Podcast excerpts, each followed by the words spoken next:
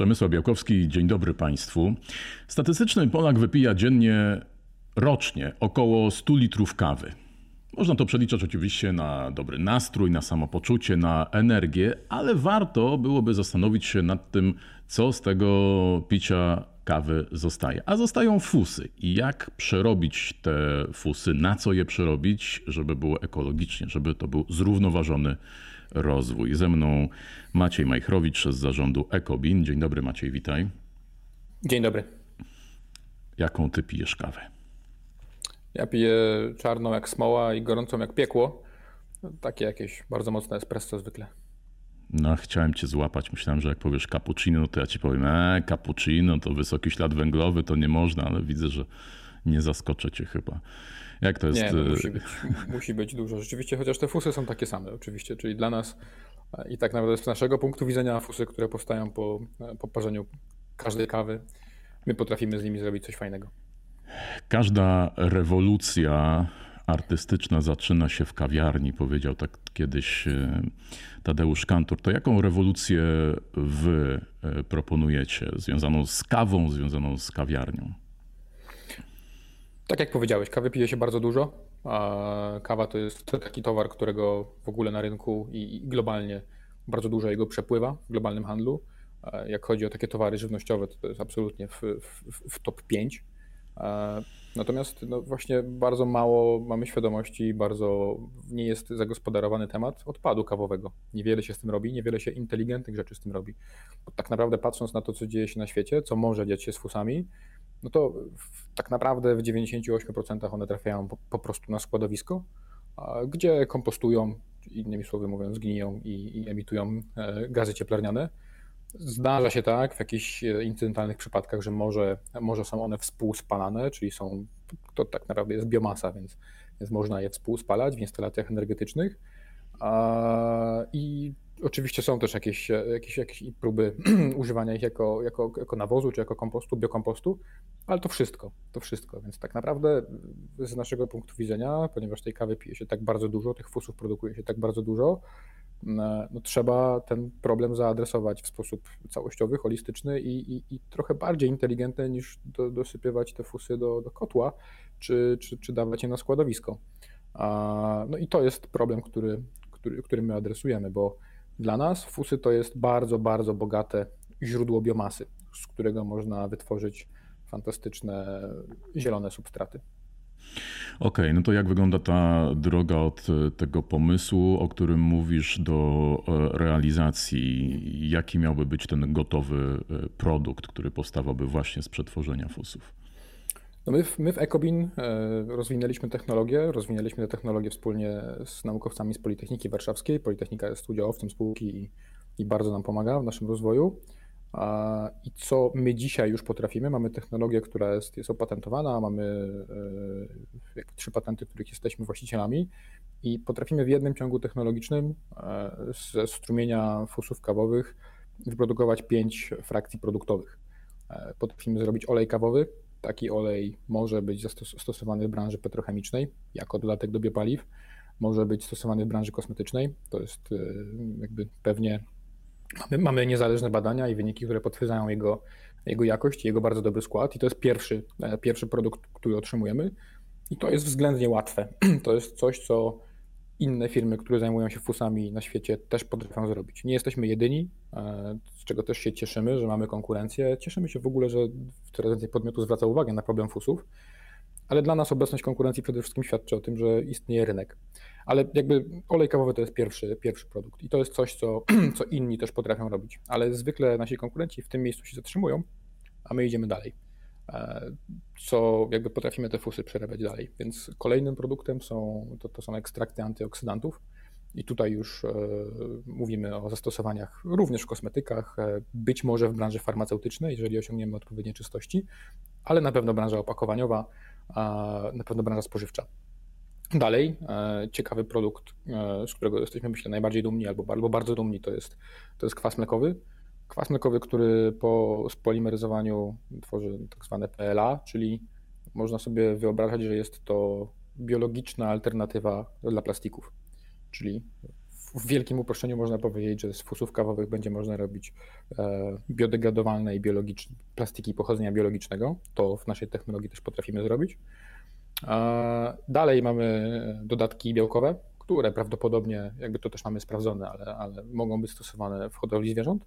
I na końcu ligninę kawową, czyli taki, taki element budulcowy, który, który można wykorzystywać e, w takich fizycznych przedmiotach i wykorzystywać tę ligninę właśnie w tamtym miejscu. Więc każdy z tych produktów jest e, na rynku obecny. My nie kreujemy rynku na żaden z nich. My po prostu wchodzimy na rynek z produktami, które albo wprowadzamy na rynek produkty e, biologicznego czy odpadowego pochodzenia o takiej samej bądź lepszej jakości. Więc z tego punktu widzenia e, i co już też potwierdzamy z rynkiem, uważamy, że rynek powinien być tym zainteresowany, bo co najważniejsze, albo co, co pewnie warto podkreślić, no to to, że wszystkie te produkty mają bardzo niski ślad węglowy. W porównaniu do, do ich, do, do, do alternatyw, no to te, te, które my wytwarzamy są absolutnie najlepsze w klasie. A który z tych produktów, który z tych kierunków ma największy e, potencjał i od czego to zależy? Czy, czy to jest e, łatwość w przetworzeniu, w wytworzeniu, czy tak jak wspominałeś, może brak konkurencji, na razie jakaś e, nisza, czy, czy jeszcze jakieś inne składniki? Ten proces to trochę jest dyktowane technologią, która jest, która jest opracowana, bo ten proces jakby następuje tak jak, tak jak go opisałem, czyli to jest jakby jest to proces sekwencyjny i, i nie możemy na dzisiaj przynajmniej efektywnie powiedzieć, dobrze, to dzisiaj z fusów produkujemy wyłącznie kwas mlekowy.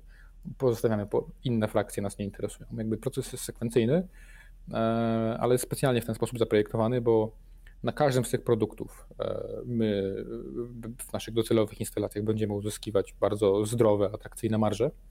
Mm, powiem tak, myślę, że low hanging fruit, czyli taki produkt, który jest dla nas łatwy i w ogóle jest dla, dla taki najłatwiejszy będzie pewnie też dla rynku, to jest olej kawowy. To jest coś, co, co, jest, jest pierwsze. E, liczę na to, że dużym, że, że, bardzo dla nas takim trochę game changerem będzie właśnie kwas mlekowy. To jest coś, co jest najtrudniejsze, to jest coś, co, co wymaga skomplikowanych procesów biotechnologicznych, które my opracowaliśmy e, i, i, patrząc na konkurencję, no to nikt nie jest tak zaawansowany w tej, w tej jakby frakcji jak my. Mm, I patrząc na wszystkie, jakby na kontekst regulacyjny, na to, co dzieje się w Unii Europejskiej, jakby czujemy i tak modelujemy, że, e, że to pozwoli nam e, no, robić bardzo dobry biznes, ale tak naprawdę etyczny biznes. A jak to wygląda w praktyce? To jest jakiś jeden zakład, biorafineria, jak, jak czytałem, i, i w tym jednym zakładzie to wszystko, te wszystkie pięć e, frakcji powstaje? Tak, dzisiaj, dzisiaj tak naprawdę jesteśmy y, w skali półtechnicznej, czyli jakby wyszliśmy z laboratorium, jesteśmy w skali, e, w skali większej niż laboratorium, ale ciągle na Politechnice. Natomiast jesteśmy, e, jesteśmy teraz po, po fajnej po dużej inwestycji, e, bardzo dobrych funduszy i aniołów biznesu z Polski nie tylko, co pozwoli nam właśnie zrobić krok w kierunku takiego naszego pierwszego docelowego zakładu, i to będzie tak jak, tak jak, tak jak mówisz, pod jednym dachem rzeczywiście e, będziemy te wszystkie frakcje wytwarzać. Co istotne, jakby ten zakład, jak i wszystkie kolejne zakłady e, też e, mają być i będą budowane zgodnie z całą ideą zrównoważonego rozwoju, czyli, czyli tam, gdzie to możliwe, będziemy wykorzystywać ciepło odpadowe, chcemy wykorzystywać ciepło odpadowe, czyli chcemy lokować nasze zakłady niedaleko miejsc, w których sporo energii się marnuje, bo my tą energię będziemy mogli wykorzystać. No oczywiście jakby już nie mówię o tym, że, że zakład będzie na pewno zasilany w pełni e, energią, energią zieloną, bo to wszystko wpływa na carbon footprint produktów, e, co jest jednym z naszych, jednym z naszych jakby elementów, elementów wartości. No i właśnie o to chciałem zapytać. No, Trochę mnie uprzedziłeś, mówiąc już o, o, tym, że zasilanie zakładu to będzie e, zielona energia. Natomiast no, zastanawiam się jeszcze po drodze. No, to, jest, to jest też transport, to jest być może jakieś e, magazynowanie, odbieranie e, tego. Jak tutaj, na ile to macie policzone, jak, jak tu wygląda ten ślad węglowy? To, to, dobra, dobra intuicja, bo rzeczywiście logistyka jest, jest oczywiście istotnym jakby składnikiem tego naszego śladu węglowego. Natomiast. Mm, tutaj jakby jest, podchodzimy do tego dwojako. Po pierwsze, jakby w ogóle skąd my mamy fusy, bo to, bo to jest i skąd będziemy mieć fusy jakby w, w, długim horyzoncie. Pracujemy z branżą hotelarską, z, z, parkami biurowymi, ze stacjami benzynowymi, z kawiarniami, czyli z tymi miejscami, w których, w których jest pewnie więcej kawy konsumowane niż w gospodarstwach domowych. I stamtąd kawę poprzez nasze specjalne rozwiązania logistyczne w partnerstwie z firmą logistyczną Wszystko to zarządzane jest przez naszą aplikację. Kawa w takich ekoboksach, czyli takich 30-kilogramowych pojemnikach jest zbierana i trafia do naszego, naszego zakładu. Mm, I tutaj na pewno w, zakładach docelowych o docelowej skali część fusów będzie pochodziła właśnie z branży choreka, czyli będzie pochodziła z parków biurowych, z kawiarni. E, I tam jakby robimy wszystko, żeby po pierwsze stosować e, ten tak zwany model logistyki współdzielonej, czyli tak jak dzisiaj firmy logistyczne funkcjonują. E, nigdy nie będzie tak, że, że, że kurier będzie jechał wyłącznie z, naszym, z naszą paczką fusów. Zawsze, dlatego też ten, ten ślad węglowy będzie tak naprawdę rozkładał się na cały ładunek. To z jednej strony, a z drugiej strony też pracujemy nad tym, żeby tam, gdzie to możliwe, wprowadzać model tak zwanej logistyki zwrotnej, czyli żeby zawsze e, jakby ten kurier, który odbiera, odbiera fusy na, na przykład z danej kawiarni, e, żeby kursem, e, żeby zawsze zawoził też coś do tej kawiarni. To znaczy, żeby trochę było tak, żeby te transporty odbywały się przy okazji. I to w pewnym sensie to nam na pewno bardzo pomaga wszystkie działania, które dzisiaj mamy w Warszawie, bo w Warszawie jesteśmy najbardziej zaawansowani, obsługujemy wielu klientów, e, bardzo dużą część z nich obsługujemy zielonymi środkami transportu. Nasz partner, partner logistyczny, e, jakby specjalnie go o to prosiliśmy i, i rzeczywiście dba o to, żeby te kursy odbywały się jakby rowerami elektrycznymi i nie tylko. Ale to jest jakby połowa historii, bo druga część historii jest taka, że naszym celem jest też obsługa przemysłu kawowego. To znaczy, mam tutaj na myśli na przykład fabryki kawy instant, kawy rozpuszczalnej. W takich fabrykach fusów powstaje bardzo dużo w jednym miejscu. I, i tam jakby ten, ten temat, czy ten problem logistyczny jakby wygląda trochę inaczej. To tak naprawdę ta logistyka zaczyna mieć mniejsze znaczenie, a nasz biznes zaczyna mieć większe znaczenie, no bo jakby prawdopodobnie zawsze przetwarzanie odpadów w miejscu, gdzie one powstają, ma największy sens. Okej, okay, a jaka to jest skala, jakbyś mógł nam to e, zobrazować I, i, jakie to są e, liczby? Może, no nie wiem, na przykładzie jakiejś pojedynczej kawiarni czy, czy całej sieci? Mhm. My dzisiaj e, obsługujemy w Warszawie kilka, kilkadziesiąt punktów, mniej niż 30, jakby mniej niż 30. To są w większości kawiarnie, ale też biura i to jest kilka ton fusów kawowych miesięcznie. Taka, taka jest to skala. Mm, e, ja akurat mamy bardzo fajny zespół w Ecobin. Ja ekspertem od, od, branży, od kawy nie jestem, ale, ale myślę, że tygodniowo średnio to jest kilka, kilkanaście kilogramów w kawiarni. Tyle, tyle, tej, tyle tych fusów może być generowane. Natomiast jeżeli mówimy już o, o przemyśle kawowym, no to w takiej, w takiej fabryce kawy instant mówimy już o dziesiątkach tysięcy ton rocznie. I to też jest oczywiście dla nas, dla nas interesujące. My jakby w długim horyzoncie chcemy pracować jakby z tymi właśnie dwoma grupami klientów. Gdy e, wpisze się w wyszukiwarce internetowej, co zrobić e, z fusami, no to wyskakuje całe mnóstwo poradników, takich, no nazwijmy to amatorskich czy półamatorskich, i tych zastosowań też jest sporo od, od e, nawożenia po jakiś środek do czyszczenia i, i, i, i tak dalej. Zastanawiam się, e, e, może są jakieś badania, może wy macie takie badania, na ile e, realnie ludzie używają tak, bo, bo, bo to o czym ty mówisz to jest albo biznes, albo wytwórnia, albo. Mhm albo kawiarnia, czy sieć kawiarni. Natomiast teraz chciałbym się zastanowić, jak to z takiego indywidualnego punktu widzenia klienta wychodzi. No bo to też trudno nam sobie wyobrazić, że nagle mhm. dostaniemy e, w swoich śmietnikach piątą frakcję, gdzie ludzie będą ze swoich domowych ekspresów przynosili, chociaż może, no, e, kto wie, życzę wam tego. No ale zastanawiam się teraz nad takim domowym użytkowaniem fusów od kawy. Jak, jak do tego podchodzić?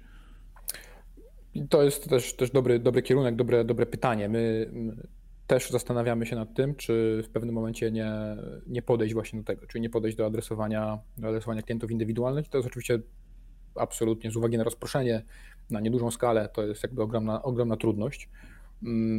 Mamy pewne rozmowy tak naprawdę z, z jednym z liderów e, branży, branży kurierskiej w Polsce, żeby być może zastosować e, jego rozwiązanie w, tym, w, w, takim, w takim aspekcie i takie, takie pilotażowe wdrożenie spróbować zrobić, zobaczyć jak to wychodzi, bo e, jakby zwykle w taki sposób zawsze działamy, to znaczy próbujemy coś odpalić na małej skali, pomierzyć, wyciągnąć wnioski. Mm, mamy też takie, taki, taki pomysł i, i, i być może uda się nam do do tego namówić e, którąś z sieci kawiarni, tak naprawdę do tego, żeby, żeby to właśnie kawiarnie były takim hubem od w cudzysłowie odpadowym, czy hubem, hubem fusowym. Czyli, że jeżeli jakaś kawiarnia jest, jest kawiarnią partnerską Ecobin, Ecobin odbiera z niej fusy, to dlaczego by e, klienci nie mogli tam fusów ze swoich domowych ekspresów zanieść? I stamtąd te fusy byłyby odebrane przez Ecobin. To jest takie oczywiście, dla, myślę, jakby atrakcyjne z punktu widzenia jakby kawiarni, bo, bo może to być jakiś też e, jakiś trochę, trochę taki ekologiczny magnes. Dla nas oczywiście również. No, odpowiadając wprost na Twoje pytanie, co można z fusami zrobić w domu, no to to, to rzeczywiście ten, ten stos, używanie ich jako, jako, jako peeling, czy gdzieś tam dosypywanie ich, ich, ich na grządki, ale to też z umiarem, bo, bo potrafią dosyć mocno zakwasić glebę. No, więc najlepsze pewnie, co można zrobić dzisiaj, jeżeli już wykorzystaliśmy je w łazience czy, czy, czy, czy w domowym ogródku, to zwyczajnie upewnić się, że, że selekcjonujemy do frakcji bio. Na pewno nie do, nie do, nie do zmieszanych. Jasne, to zainteresowała mnie jeszcze kwestia tej kawiarni i tego pomysłu, o którym mówiłeś. No bo e, właściwie, skoro ludzie już przynoszą do kawiarni własne kubki, nie biorą plastikowych, bo, bo to już staje się coraz bardziej popularne, no to właściwie dlaczego nie mieliby przynosić z tymi własnymi kubkami fusów, mając na uwadze e, właśnie te kwestie ekologiczne? Dokładnie tak. Z naszej perspektywy e, to, to, to miałoby sens. Środowiskowo to, to miałoby sens. Jest sporo tak naprawdę pomysłów, które w jaki sposób można klientów do tego zachęcać. Nie chcę tego nazywać programami lojalnościowymi, ale, ale, ale bardzo dużo tak naprawdę, wiesz, można powiedzieć klientom, słuchaj, no jakby kubek, z którego wypijesz kawę, w uproszczeniu pochodzi z fusów, które przyniosłeś do kawiarni kilka dni temu, bo do tego się to sprowadza. A, więc Naszym zdaniem również jest to, jest to niezwykle atrakcyjne i, i wydaje się, że tego typu pilotażowe, pilotażową próbę podejmiemy w najbliższych miesiącach.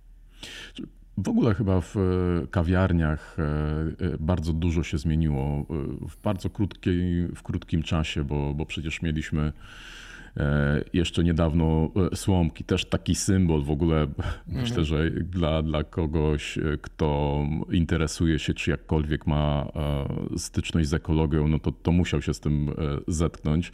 Więc po pierwsze słomki. Później była, znaczy była w ogóle przez jakiś czas taka wielka moda, jak weszły sieciówki, szczególnie jedna amerykańska do, do Polski, żeby chodzić z tymi jednorazowymi kubkami z, z napisanym e, imieniem, ale widzę, że, że to się trochę zmienia, że osoby bardziej świadome, no właśnie idą raczej w kierunku tego, że jak widzimy kogoś z własnym termosem czy, czy kubkiem jeszcze 5 lat temu, to by było, co się w ogóle dzieje, dlaczego, dlaczego on z tym przychodzi, a, a, jednak tutaj są zmiany. No, świetnie, że wywołujesz ten temat. Bardzo dobrze. To pokazuje, jakby jak, e, jak ważna jest edukacja i że edukacja działa że edukacja, taka mała presja społeczna, mała presja twojej, czy naszych, naszych, grup rówieśników, czy w ogóle tych, tych kręgów towarzyskich, w których się, w których się obracamy, że to, ma, to, to, to zmienia nasze zachowania. I rzeczywiście te zachowania zmienia na lepsze.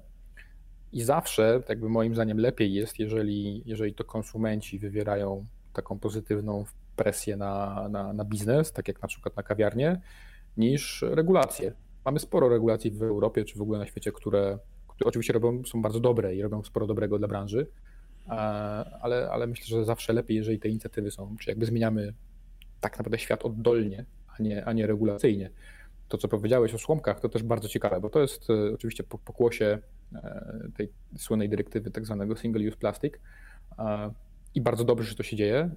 I co ciekawe, no my też ten temat potrafimy, potrafimy zaadresować, bo pracujemy właśnie nad z jedną, z jedną z sieciowych kawiarni nad, nad takim nad rozwiązaniem, żeby wprowadzić do obiegu takie kawowe słomki. Kawowe słomki, które, które tak naprawdę po użyciu będzie można ponownie zawrócić ponownie przetworzyć, więc jak, jak z tej kawy można tak naprawdę bardzo dużo rzeczy, bardzo dużo rzeczy zrobić i, i to jest ogromna wartość. No i wszystko pięknie, właściwie cudownie, wszystko nam się zgadza, jest ekstra, tylko dlaczego w Polsce kawa jest taka droga? Mm, to też e, doskonałe pytanie dla, dla mojego wspólnika, czyli dla, dla który, który jest jakby weteranem branży kawowej. Pytasz o, o kawę, rozumiem, w kawiarni, tak? Dlaczego tak, taka droga? dlaczego kawa w Polsce kosztuje tyle, co kawa w Niemczech czy w Stanach Zjednoczonych, a no, doskonale wiemy, że różnice e, w zarobkach są kolosalne. Rzeczywiście, jakby ja nie potrafię na to pytanie odpowiedzieć, jakby sporo jest takich różnic i sporo jest takich przykładów w różnych innych branżach również, ale znowu myślę, że masz bardzo dobrą intuicję. w Nowym Jorku dobre espresso kosztuje, kosztuje kilka dolarów, a w Polsce pewnie, pewnie, pewnie może to być sporo więcej. Mm, jest sporo publicznych informacji i między innymi International Coffee Association, ale inne też ciała, które zajmują się statystykami w ogóle branży kawowej, pokazują jakby jak w tym łańcuchu wartości kawowym, który zaczyna się od farmera, a kończy się na wypiciu kawy, e, jak dani jego uczestnicy, jakie marże generują i, ile zarabiają. E, no i to rzeczywiście nie jest e, tak, patrząc na to trochę wysokopoziomowo, to nie jest to właściwe, że że ci, którzy wydaje się bardzo dużo, bardzo dużo pracują, bardzo dużo trudu i wysiłku wkładają, czyli farmerzy, tak naprawdę są wynagradzani najsłabiej, a naj, najlepiej wynagradzane są e, ten, ten końcowy element łańcucha wartości, chociaż nie końcowy, bo my właśnie wprowadzamy, wprowadzamy ostatni klocek tego łańcucha, który powoduje, że ten liniowy model dzisiaj staje się modelem cyrkularnym. E, to trochę wywracając to do góry nogami. Mm, Natomiast mamy też jakiś taki, my mówimy trochę na to Moonshot Idea, mamy, mamy w spółce kilka takich inicjatyw e, bardzo dalekosiężnych, ale mamy taki pomysł na wprowadzenie tak zwanego certyfikatu cyrkularnego, który e, też przyczyniałby się do tego, że ten, powiedzmy, te zyski branży kawowej są, są dystrybuowane w trochę lepszy sposób. Zastanawiam się jeszcze nad jedną rzeczą, no bo kawa jest takim jakimś symbolem, no to, to, to nie jest tylko napój, to jest taki trochę w niektórych e, kręgach e, nie wiem, no, styl życia e, ludzie totalnie ustawiają pod to, pod to swoje funkcjonowanie. E, natomiast różnica między nami a innymi krajami, szczególnie tymi zachodnimi, jest taka, że no może z wyjątkiem polskich większych miast, no to jest tak, że ta kawa jest po prostu pita w domu, ewentualnie gdzieś tam w pracy. Natomiast no my nie mamy takiego zwyczaju chodzenia do kawiarni, a jeśli już byśmy chcieli, no to to, to są, wracając znowu do tych finansów, e, bardzo drogie wizyty, gdybyśmy chcieli codziennie sobie dwa razy pójść na, na, na kawę no to są duże wydatki, duże obciążenie dla, dla naszego budżetu. E, a z kolei, jeszcze patrząc, bo ja znalazłem takie informacje, my mamy zużycie w Polsce 3 kg e, kawy rocznie. Kraje skandynawskie tutaj wiodą prym, nawet 12 kg w Finlandii. E, no i mimo, że oczywiście w porównaniu do nich to, to jest niewiele, ale i tak jesteśmy dosyć wysoko w czołówce spożycia e, kawy. Więc e, tutaj myślę, że ta, ta cena ma dosyć duże e, znaczenie i pewnie byłby dosyć duży potencjał jeszcze do, do rozwoju, szczególnie w tym sektorze choreka, o którym też mówiliśmy wcześniej, a nie tylko w tym, że w domu parzymy sobie niektórzy fusiarę, inni tam używając ekspresu, czy, czy jakkolwiek inaczej. 100%, 100%, dokładnie tak. Jakby to wygląda bardzo, tak jak zauważyłeś, jakby każdy rynek jest, jest, jest, jest inny, jest specyficzny. E, I rzeczywiście jakby potencjał tego rynku, e, tego rynku chorekowego w Polsce jest myślę ciągle mocno, mocno nie, nie, nie, niewyeksploatowany. I, I rzeczywiście kawę się, pije, kawę się pije w Polsce bardzo dużo w domu, a na zachodzie Europy absolutnie zupełnie odwrotnie. I to też tak naprawdę my jakby bierzemy pod uwagę, planując swój rozwój biznesu. Mm, innymi słowy, zastanawiamy się, gdzie tak naprawdę, oczywiście myśląc o lokowaniu docelowych biorafinerii czy naszej gigarafinerii, e, myślimy o wielu, o wielu czynnikach, ale też o takim, jakby gdzie możemy mieć największy impact, gdzie, gdzie możemy zrobić, wygenerować największy wpływ.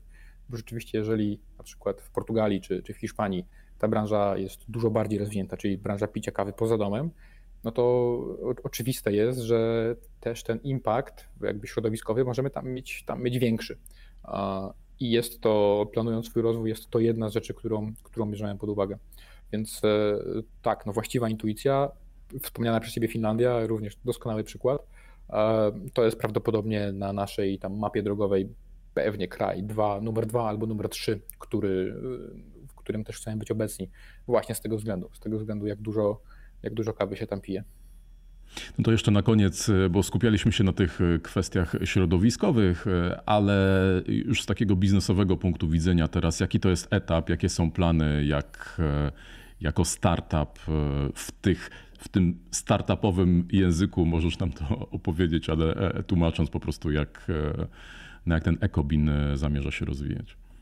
My staramy się stąpać twardo po ziemi i staramy się, po pierwsze nasz zespół jest bardzo interdyscyplinarny, mamy naukowców doskonałych, ale mamy też e, po prostu przedsiębiorców w zespole i jakby e, pomimo tego, że te startupy mają często są trochę jakby negatywnie nacechowane i to nie bez przyczyny, bo, bo jakby uciekamy od takiego y, trochę stereotypu startupowca. My jakby podążamy oczywiście tą drogą, natomiast cały czas patrzymy w stronę rynku i staramy się, żeby staramy się nie robić nic, czego rynek nie potrzebuje. Bardzo proste. E, więc jakby pytając, odpowiadając na pytanie o etap, jesteśmy e, po rundzie inwestycyjnej, którą zamknęliśmy i zakomunikowaliśmy kilka, kilka tygodni temu. Rundzie na tam powyżej 10 milionów, milionów złotych i to jest bardzo ważny dla nas krok w budowie tak zwanego Ecobin Technology Center, czyli tego, tej naszej fabryki w takiej większej skali, takiego naszego centrum technologicznego, e, którym, w którym będziemy rozwijać technologię, e, kształcić operatorów linii, kształcić inżynierów, ale też pracować nad takimi niszowymi zastosowaniami. I to centrum technologiczne powinno, jakby pracujemy nad nim już, ono będzie zlokalizowane w okolicach Warszawy, mm, powinno, powinno zacząć funkcjonowanie na przełomie roku 23 i 24. I to, jest, to będzie dla nas jakby duży kamień milowy w rozwoju spółki. Kolejnym będzie uruchomienie pierwszej e, wielkoskalowej instalacji, e, też to będzie instalacja w Polsce na około 20 tysięcy ton. I to będzie prawdopodobnie przełom roku 25 i 26. Po drodze e, na pewno będziemy jeszcze e, szukać i, i, i zbierać rundy finansowe. No i pewnie nie jedną filiżankę kawy przy tych burzach mózgów wypijecie. Pięknie dziękuję. Bez zdań. Bardzo, Bardzo dziękuję. dziękuję. Przyjemność. O, o kawie, o ekologii, o biznesie.